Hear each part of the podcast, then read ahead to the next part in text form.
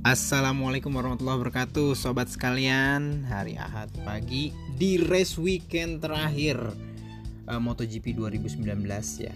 Uh, Jadi ini kita Saya merekam podcast ini uh, Pagi-pagi banget nih ya.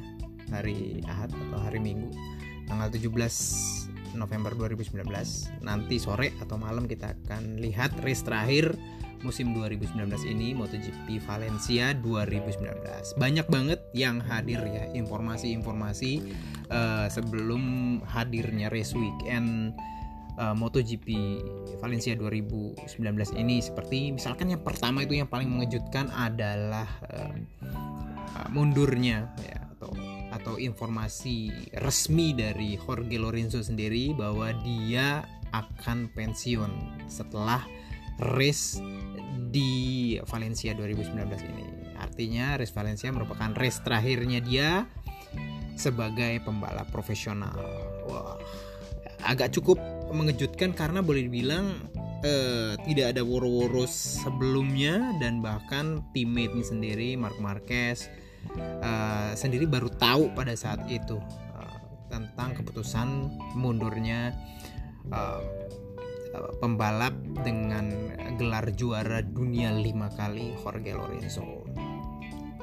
Uh, ya Jorge Lorenzo mungkin pada dasarnya dia cukup uh, melihat gitu ya atau cukup mendengar masukan-masukan selama ini yang meminta banyak kan meminta dia untuk memikirkan kembali keputusan untuk terus di 2020 melihat memang uh, kondisi kesehatannya terutama pasca uh, cedera retak atau patah ya saya juga nggak tahu bentuknya kayak gimana di dua ruas tulang punggung atau back atau vertebranya. Di bagian belakang itu memang biasanya kalau uh, patah di bagian atau cedera di bagian tulang punggung itu cukup riskan dan memiliki boleh dibilang uh, apa namanya potensi yang cukup parah jika memang misalkan jatuh lagi ya gitu. Itu ngeri deh. Jadi bayangannya itu bisa seumur hidup misalkan kayak di kursi roda atau hanya bisa bed rest tiduran ah itu ngeri ngeri banget. Jadi mungkin itu salah satu pemikiran dari Jorge Lorenzo. Nah namun uh,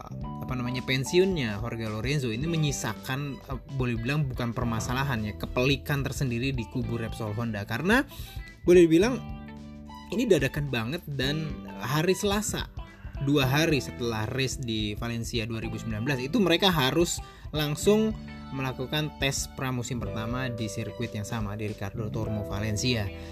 Pramusim untuk 2020 mereka akan coba motor RC213V 2020 dan faktanya adalah mereka kekurangan pembalap-pembalap yang uh, memiliki banyak ini namanya pembalap arti mereka akan kekurangan pembalap. Jadi artinya pada dasarnya hanya ada tiga pembalap nanti yang akan uh, melakukan pengetesan uh, pramusim di Valencia 2019 ini untuk persiapan 2020 yaitu Mark Marquez sudah pasti lalu Cal Crutchlow lalu Tess Rider dan Stefan Bradal kenapa? Karena Takanaga Gami uh, masih di bekap cedera uh, recovery dan satu lagi Jorge Lorenzo nggak ikut karena dia sudah langsung withdraw atau sudah langsung pensiun setelah race jadi uh, mau nggak mau memang uh, HRC ini harus cepet-cepet ya. Boy ya nggak harus sih artinya logikanya dia harus cepet uh, mengumumkan atau memutuskan siapa pengganti dari uh, Jorge Lorenzo ini. Cuman memang uh, hadir kayak semacam jadi setelah itu tuh hadir kayak misalkan konstelasi siapa sih kira-kira yang bisa pantas gitu ya empat nama terdekat awalnya gitu ya yang bisa jadi uh, penggantinya Jorge Lorenzo di uh, bangku Honda RC 213V 2020 untuk tahun depan adalah yang pertama adalah siapa? Cal Crutchlow. Ya, Cal Crutchlow adalah pembalap utama di LCR Honda yang tahun ini menggunakan motor pabrikan yang speknya boleh dibilang sama dengan Marc Marquez pada dasarnya secara pengalaman secara segala macamnya itu memang Cal Crutchlow ini boleh dibilang uh, orang yang paling siap banget gitu untuk bisa berada di uh, sisi samping atau menjadi teammate-nya Mark Marquez di Repsol Honda 2020 segala macam asam garam semuanya pokoknya dia paling bisa. Dan dia merupakan satu-satunya pembalap selain Mark Marquez yang bisa podium di 2019 gitu loh. Dengan motor Honda yang boleh dibilang begitu sulit. Jadi 2019 ini Honda menghadirkan motor yang performanya bertambah. Dan ini menyebabkan kesulitan bagi pembalap-pembalap lainnya gitu ya. Dan hanya Carl Crutchlow yang bisa uh, lebih mengoptimalisasi uh, motor 2019 ini. Uh, jadi kayak memang 2019 ini cuma dipakai oleh uh, tiga orang ya, tiga pembalap ya, Mark Marquez, Lorenzo dan Cal Crutchlow. Uh, di luar Stephen Bradl yang saat menggantikan Jorge Lorenzo pada saat dia uh, cedera pada saat itu. Nah, uh, jadi seperti itu. Pokoknya secara logika kita kalau misalkan kita mungkin ya suruh milih siapa yang mau jadi yang paling pas ya Cal Crutchlow mau gimana lagi ya? Secara secara performa segala macam nilai konduite segala macam itu Crutchlow lalu hadir nama lain yaitu kayak misalkan Stephen Bradl tapi Stephen Bradl sih kayaknya sih memang lebih prefer terus-terusan jadi uh, test ridernya Honda atau HRC lalu ada lagi nama Johan Zarco. Pembalap Prancis ini memang semenjak awal memang digadang-gadangkan. Uh, kenapa dia uh, apa namanya terus-terusan mau gitu ya kekeh memilih menjadi test rider, uh, menjadi test rider, menjadi pembalap pengganti Nakagami di tiga race terakhir uh, musim 2019. Sepertinya sih memang ada sedikit bocoran bahwa memang uh, musim 2019 ini merupakan musim terakhir bagi Jorge Lorenzo. Jadi dia berani gitu ya untuk kayak misalkan menolak atau membiarkan uh, tawaran uh, test ridernya Yamaha Factory Racing dengan kemungkinan wildcard di 2020 itu kan sebenarnya menggiurkan bagi seorang Johan Zarco. Yang boleh dibilang di 2020 ini sebenarnya pintunya agak susah untuk mencari pintu untuk masuk lagi ke MotoGP pasca dia uh, mundur dari KTM gitu kan. Itu susah banget uh, uh, dan jadi seperti kayak misalkan jadi logikanya memang logis kalau dia tuh kayak ngelihat se sebuah peluang bagus gitu di Repsol Honda gitu ya. Melalui uh, caranya adalah menjadi seorang pengganti, uh, rider penggantinya Nakagami gitu. Jadi Satar bilang waktu itu ini kayak dia melihat kayak ada lobster ya, di balik batu gitu ya. Lobster artinya sebuah makanan yang enak banget jadi nggak hanya udang nggak bukan sekedar udang. Namun ya sahabat sekalian ya uh, eskalasi informasi, eskalasi rumor uh, itu terus terusan apa namanya ber uh, berdinamika atau berjalan terus sampai di hari Sabtu pada saat uh, sesi kualifikasi uh, Grand Prix ya. Moto3, Moto2, MotoGP di Valencia ini di mana uh, eh tadi tadi kan misalkan ada kita baru ngomong tiga ya sorry kelewatan jadi ada Cal Crutchlow, Stephen Bradl, Zarco dan satu lagi yaitu Alex Marquez.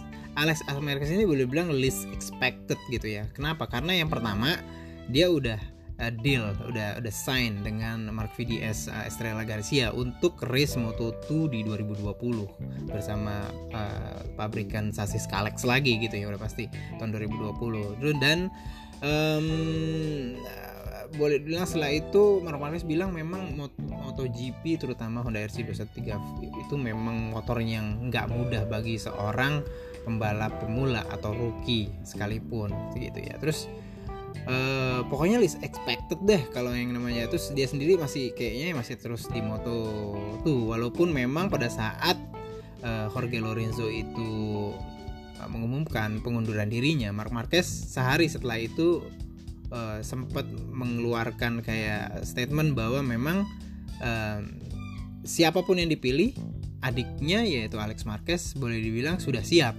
untuk bisa race di MotoGP. Dia nggak bilang waktu itu uh, di MotoGP itu artinya di Repsol Honda atau mungkin di pabrikan lain. Teman secara umum faktanya bahwa Alex Marquez adalah seorang juara dunia so juara dunia dua kali gitu ya. Moto3 dan Moto2 dan jadi manusia pertama di dunia ini yang mengawinkan gelar juara Moto3 4 tak dengan juara dunia Moto2 4 tak gitu. Bahkan sekelas Mark Marquez sendiri nggak bisa bukan nggak bisa ya mungkin karena karena karena waktunya. Jadi Mark Marquez itu hanya mengawinkan gelar GP 125 2 tak dengan Moto2 4 tak. Johan Zarco juga begitu.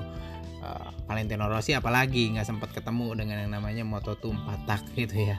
Terus siapa lagi ya? Boleh deh you name it. Karena memang orang pertama yang berhasil mengawinkan dua gelar empat tak Moto3 dan Moto2 ini adalah Alex Marquez.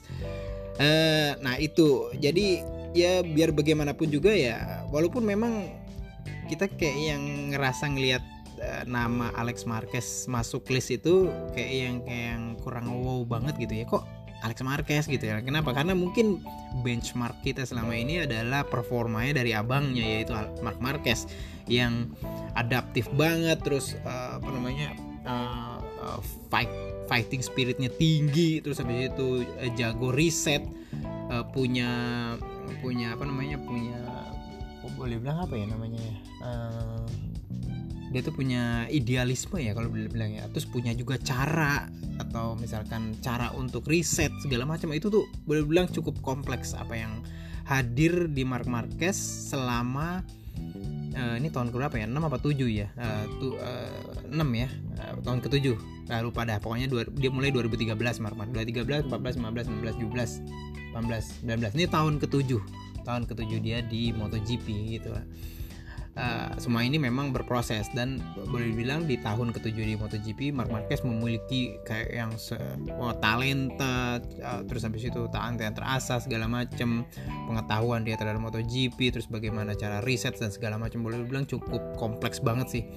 Uh, boleh dibilang apa namanya performa yang diperoleh selama tujuh tahun oleh Mark Marquez. Kita melihatnya benchmarknya ini. Jadi kalau kita melihat Alex Marquez tuh kayak yang uh, ya ya logis sih. Kalau lihat Alex Marquez kan ya nggak kayak Mark Marquez di mana dia juara uh, juara di kelas uh, capung lalu di juara langsung di kelas di kelas intermediate Moto2 lalu itu balik jadi rookie of the year. Lain rookie of the year dia pada saat rookie dia jadi juara dunia. Terus langsung langsung bisa podium satu gitu lah. Bahkan Quartararo sendiri sampai race ke 18 belum juara toh gitu lah. Walaupun berkali-kali pole position. Quartararo sendiri belum sempat juara gitu loh. Di sampai race ke 18 di Sepang terakhir. Nggak tahu di Valencia ya bisa jadi sih. Eh, Quartararo bisa jadi juara uh, seri. Dan ini adalah cukup keren juga kalau Quartararo bisa juara di sini. Artinya dia bisa jadi juara gitu pada saat pada saat di masa rukinya jadi seperti itu teman-teman sekalian. Bicara kita udah nyampe mana ya? Nah jadi Alex Marquez.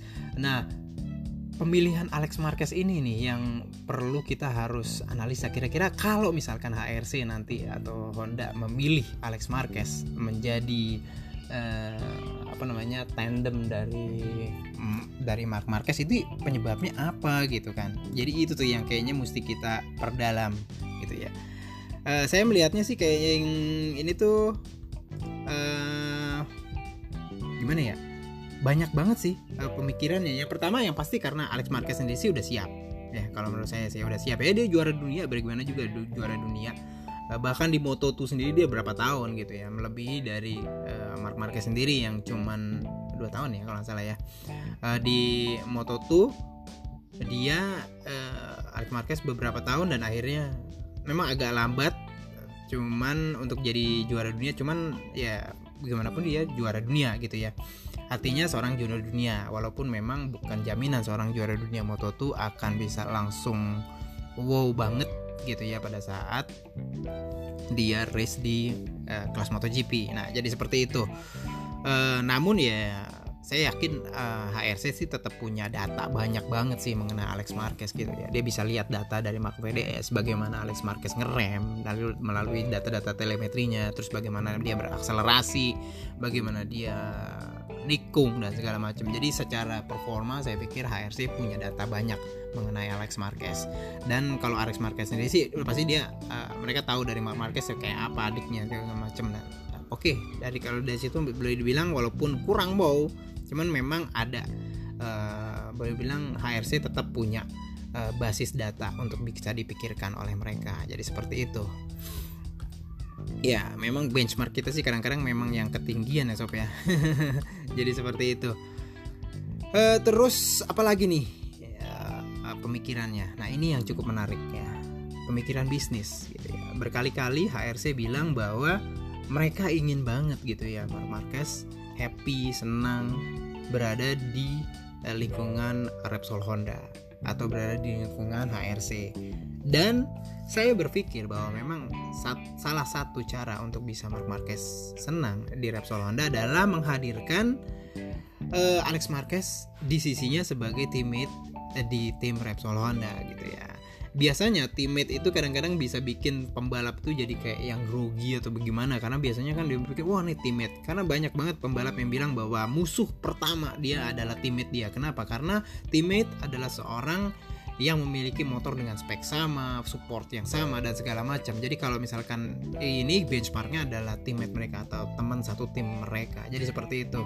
Nah, paling nggak kalau Mark Marquez bisa dapat Alex Marquez, uh, dia berpikir bahwa uh, dia lebih nyaman karena dia adiknya gitu ya. Dia bisa berdiskusi dan segala macam. Toh walaupun mungkin nanti pada satu saat Alex Marquez bisa ngalahin Mark Marquez, ya dia mungkin bisa lebih gilu karena dia bagaimanapun juga dia kan adiknya adik kandungnya Mark Marquez dan ya pada dasarnya perkiraan saya memang Mark Marquez akan seneng banget gitu ya kalau dia mendapatkan Alex Marquez berada di sisinya sebagai teman satu timnya dia kalau Mark Marquez sudah seneng kalau Mark Marquez sudah nyaman di Repsol Honda maka kayaknya HRC berpikiran bahwa bisnisnya terus akan terus berjalan. Mark Marquez sendiri masih muda, masih 26 tahun, masih banyak banget gitu ke depan seperti apa.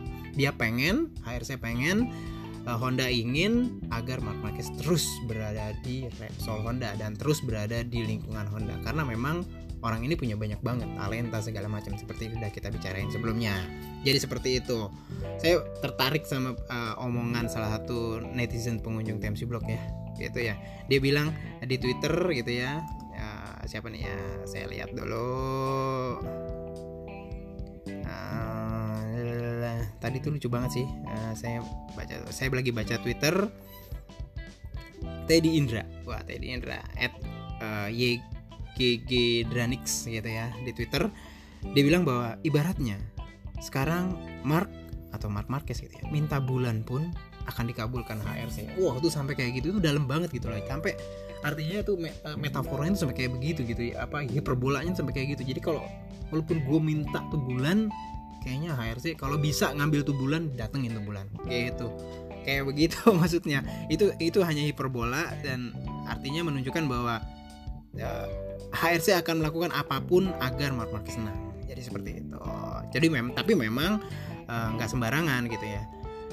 Uh, walaupun ya Mark Marquez minta temen ya harus dalam koridor yang bener gitu ya. Dan dan dan menurut saya uh, titel dua kali juara dunia Alex Marquez juara Moto3 dan juara Moto2 adalah sebuah uh, sebuah apa namanya pegangan sih. Yang cukup boleh dibilang ya uh, ya ya boleh dibilang make sense ya. Cukup make sense lah artinya. Dia kan juara gitu juara Moto3 Moto2 walaupun performanya nggak sama atau nggak semencorong.